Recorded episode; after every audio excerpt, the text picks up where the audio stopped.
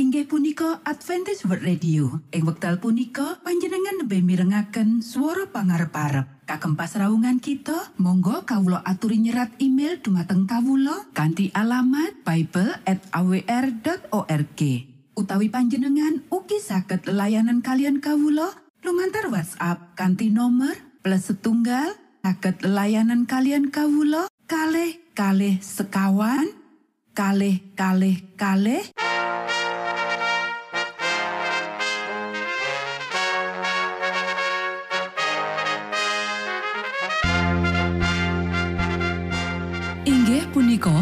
Adventist World Radio ingkang giaran kanthi basa Jawi. Tentrem Rahayu kula aturaken kagem para mitra kinasih ing pundi papan lan panggonan. Sugeng pepanggihan malih kalian Adventist World Radio. Kanti bingahing manah Kulo badi sesarengan kalian poro mitra kinasi. Lumantar saperangan adicara ingkang sampun rinonci. Mligi kagem panjenengan sami. Mugi giaran punika saged migunani tuwin dados berkah kagem kita sedoyo. Sugeng midhangetaken Gusti amberkahi.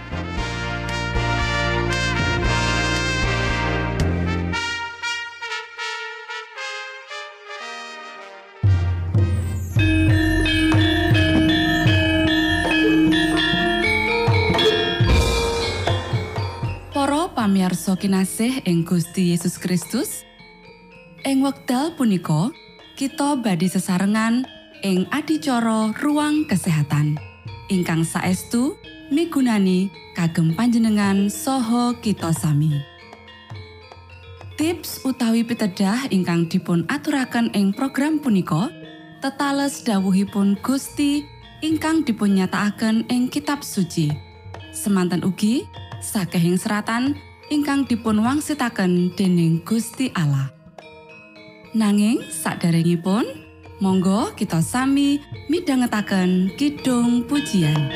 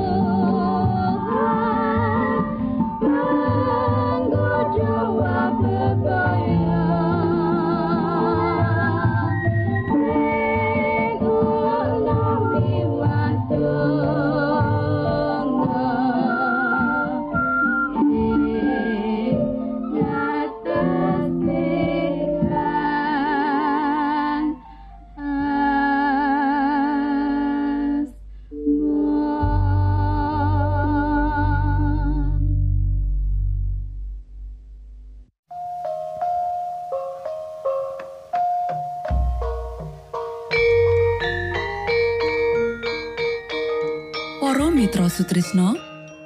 Puji syukur dumateng Gusti ingkang murbeng dumati ingkang sampun kepareng paring wewenngan kagem kita. Satemah saged nglajengaken ruang kesehatan. Pirembakan kita semangke kanthi irah-irahan. Woh-wohan, wiji-wijian lan sayuran, perangan sayuran.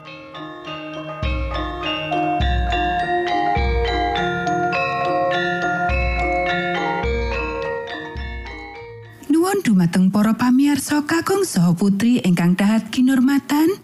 Sugeng pepanggihan malih kalian kula Isti Kurnaidi ing adicara ruang kesehatan. Ing dinten punika kanthi irah-irahan, woh-wohan, wiji-wijian lan sayuran, perangan sayuran. Para sedherek ingkang kinasih, saben wong kudu ngakoni aji mligi saka sayuran seger lan woh-wohan sing nembe dipetik saka kebon.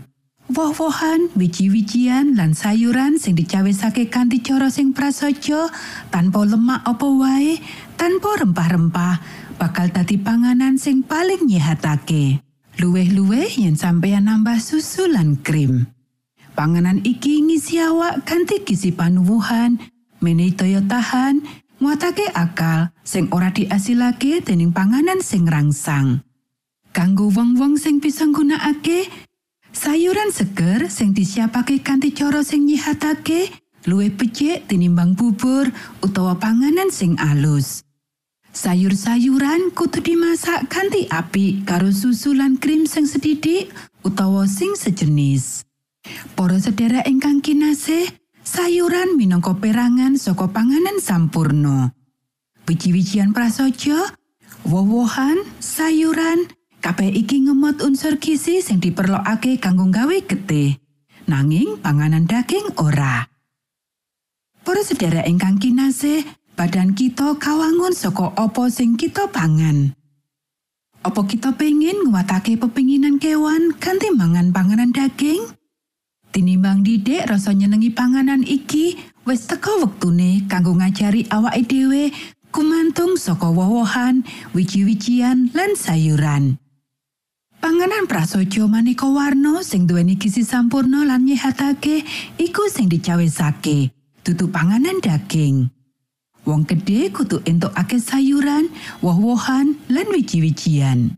Para sedherek ingkang kinasih, ing lembaga kesehatan, maneka warna selera kudu dimarmake. Sawetara wong butuhake sayuran sing dimasak kanthi temenan kanggo nyukupi kabutuhane. Wong liya ora bisa nggunakake sayuran tanpa nandang sangsara. Para sederek, aku mikir kentang goreng ora sehat. Amarga kurang luwih wis nyampur karo lemak utawa mentega. Kentang panggang utawa kodhok sing disuguhake karo krim lan cipratan uyah sing paling nyehatake. Turahan kentang lan ubi sing dicampur karo krim lan uyah sedidik banjur dipanggang maneh ora digoreng sing paling apik. Para sederek jenis panganan sehat liyane yaiku kacang-kacangan sing dipanggang utawa digodhog. Nyampura sawetara karo banyu tambahana susu utawa krim lan cawesno sakwise dipanasake. Para sederek ingkang kinasih, akeh uang kang ora ngerti pikatine ngolah lemah yaiku kanthi mbudidayakake woh-wohan lan sayuran supaya meja dahare bisa diisi bahan-bahan mau. Aku oleh pitutuh kanggo diaturake menyang keluarga lan pasamuan. Gusti Allah berkahi sampeyan yen sampeyan bisa mbudidaya kawilujengan kanthi wedi asih lan gemeter. Wedi ngregeti rancangane Gusti Allah kanggo sampeyan kanthi sembrono jroning ngopeni awak. Pacawisan jagung legi garing kudu dianakake. Waluh bisa digaringake lan iki digunakake ing mangsa adem kanggo nggawe roti. Sayuran ijo lan tomat ing daharane Ellen G. White. Sampian ngomong babagan pangananku. Aku ora tahu kaiket mangan siji jenis panganan, dadi ora bisa mangan jenis liyane. Nanging sing kayutan sayuran ijo, sampeyan ora perlu kuatir. Aku ngerti menawa ing panganan sampeyan ana akeh jenis sayuran sing bisa digunakake minangka panganan ijo. Aku bisa nemokake godhong dok kuning, dandelion, lan mustard. Ono akeh maneh pacawisan ing kono, kanthi kualitas sing luwih dhuwur sing bisa ditemokake ing Australia. Yen sampeyan ora duwe apa-apa liyane, gunakake wiji-wijian. Sakdurunge aku lelungan menyang tlatah wetan, seleraku ilang. Saiki nafsu kesebut Bali. Aku krasa ngelih banget yen wis wayahe mangan. Sayuran yang dimasak kanthi apik karo krim lan banyune jeruk pancen enak banget. Aku seneng suguhan sup tomat lan suguhan sabanjure ya iku sayuran. Aku bali mangan kentang. Kabeh pangananku enak. Aku kaya wong sing lagi mari saka demam sing wis setengah keluwen. Saiki aku kuatir yen aku mangan kakean. Tomat sing sampeyan kirim iku apik banget lan enak. Aku nemokake yen tomat minangka panganan sing paling apik kanggo aku. Babakan jagung lan kacang, kita wis nandur cukup akeh kanggo awake dhewe lan tangga-tanggane. Kita ngaringake jagung legi kanggo digunakake ing mangsa adem. Banjur yen aku merlokake digiling lan dimasak. Bahan iki bakal digawe sup sing paling enak karo panganan liyane. Ing mangsane kita oleh turam brawah, woh anggur, uga plum, apel, sawetara cherries, jambu, lan zaitun kang kita cawe sakit dhewe kanggo panganan. Kita uga nandur tomat saake-ake. Aku ora tau ngresula babakan panganan sing ana ing meja nedha. Aku mikir Gusti ora kerenan yen tumindak kaya mangkono. Tamu kita mangan kaya kita. Padha katon seneng mangan panganan kita. Matur nuwun Gusti amberkahi.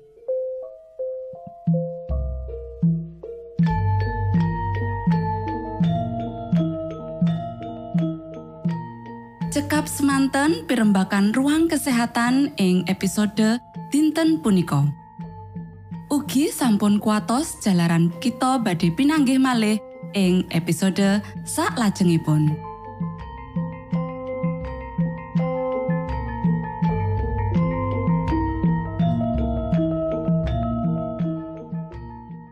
Inggih punika adicara ruang kesehatan. Menawi panjenengan gadah pitakenan utawi ngersakaken katrangan ingkang langkung, monggo kulo aturi kinton email dateng alamat ejcawr gmail.com utawi lumantar WhatsApp kanti nomor 025 pitu 00 songo songo papat 00 pitu.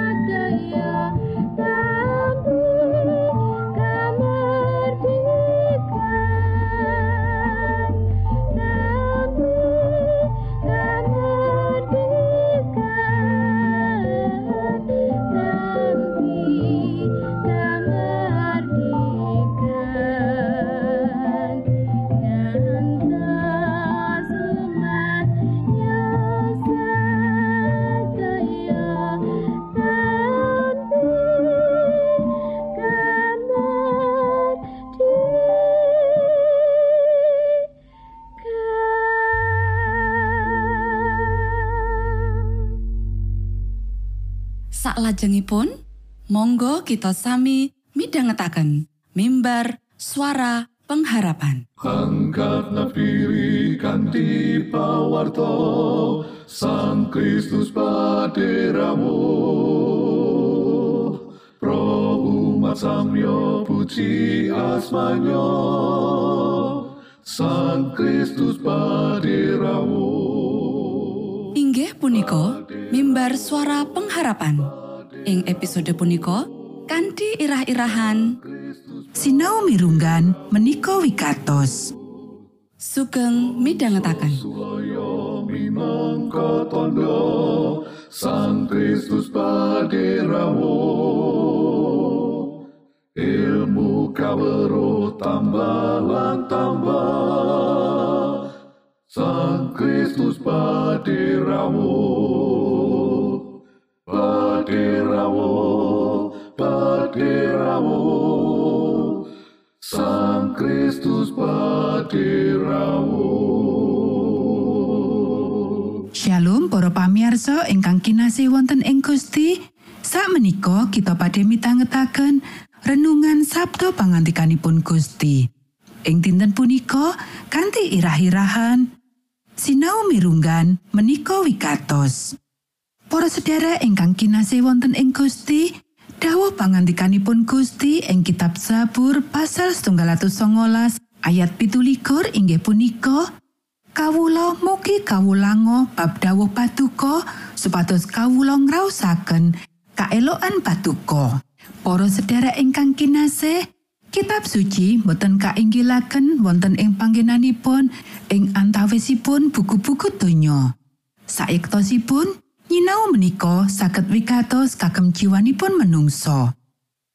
Saklebetipun nitip preksa menggah lembaran-lembaranipun kados dene mirsani paninggalan ingkang kebak keagungan lan langgeng. Kita mirsani Gusti Yesus, putranipun Gusti Allah, rawuh dumateng jagat kita lan derek keseret saklebetipun peperangan winati ingkang ngleburaken kegiatanipun pamblasar.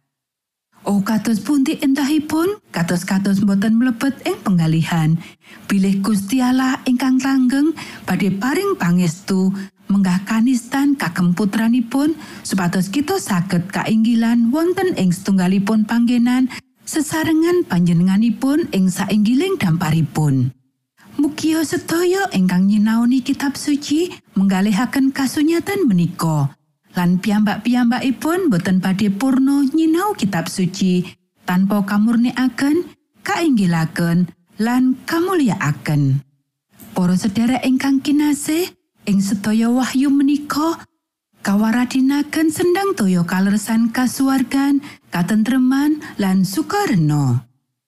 Sendang toyo kaleresan ingkang ngrenakaken manah menika wonten ing salebetipun pangranggeh sedaya tiang ingkang ngupati. Atur-atur pangertosan ingkang dipun penggalih salebetipun manah badhe dados kados dene ilinipun ilin-ilinan alit lepen toyo pagesangan. Wekdal menapa kemawon kita nyinau kitab suci kanthi manah kebak pandonga Roh suci wonten caket kagem bikaaken dumateng kita werdinipun pangantikan-pangantikan ingkang kita waos. Para sederek, sabdanipun Gusti Allah menika tansah kaderekaken kalian pambuka lan pengiatan kewasisan menungso ingkang boten limrah kagem mangertosi sabdanipun Gusti Allah. Menawi saka guru saka gurunipun kapitadosan boten tahan dumateng pandataran panitip preksan, sampun wektalipun kita mangertosi menika amargi bodho menawi kita lerem wonten ing penggalih-penggalih kita lan menggalih bilih boten wonten setunggal tiang kemawon ketah canduk lawung dumateng penggalih-penggalih kita.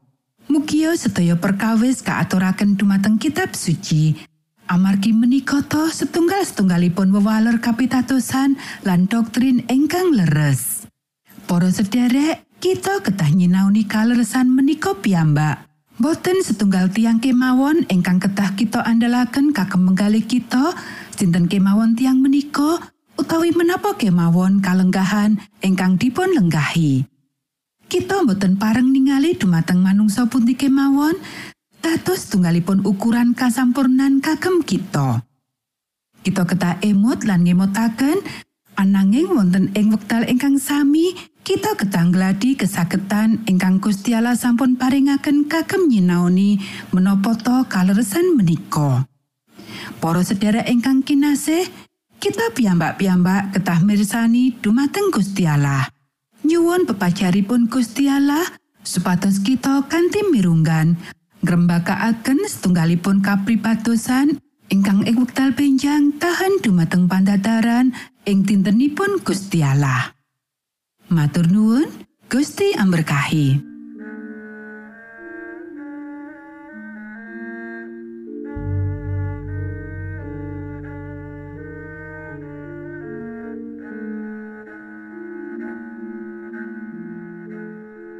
Para Mitra Sutrisno, pamiarsa kinasih ing Gusti Yesus Kristus.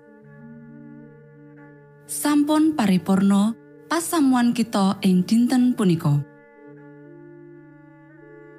Menawi panjenengan gadah pitakenan utawi ngersakaken seri pelajaran Alkitab suara nubuatan, monggo kulo aturi kintun email dateng alamat ejcawr gmail.com. utawi lumantar WhatsApp kanti nomor 085 pitu 00 songo songo papat 00 pitu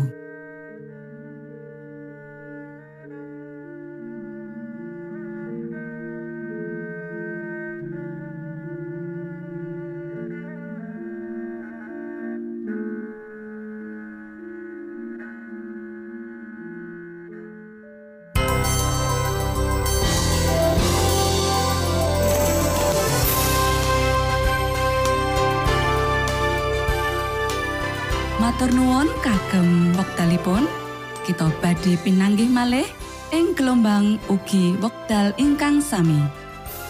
Saking studio kula ngaturaken tentrem rahayu. Gusti amberkahi kita sedaya. Maranatha.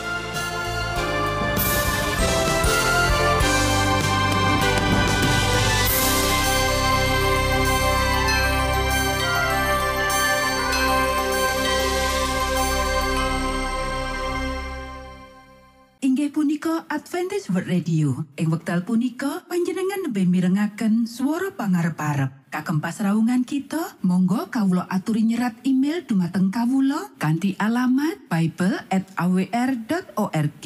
Utawi panjenengan ugi saged layanan kalian kawula lumantar WhatsApp kanthi nomor plus setunggal saged layanan kalian kawula kalih kalih sekawan kalih kalih kalih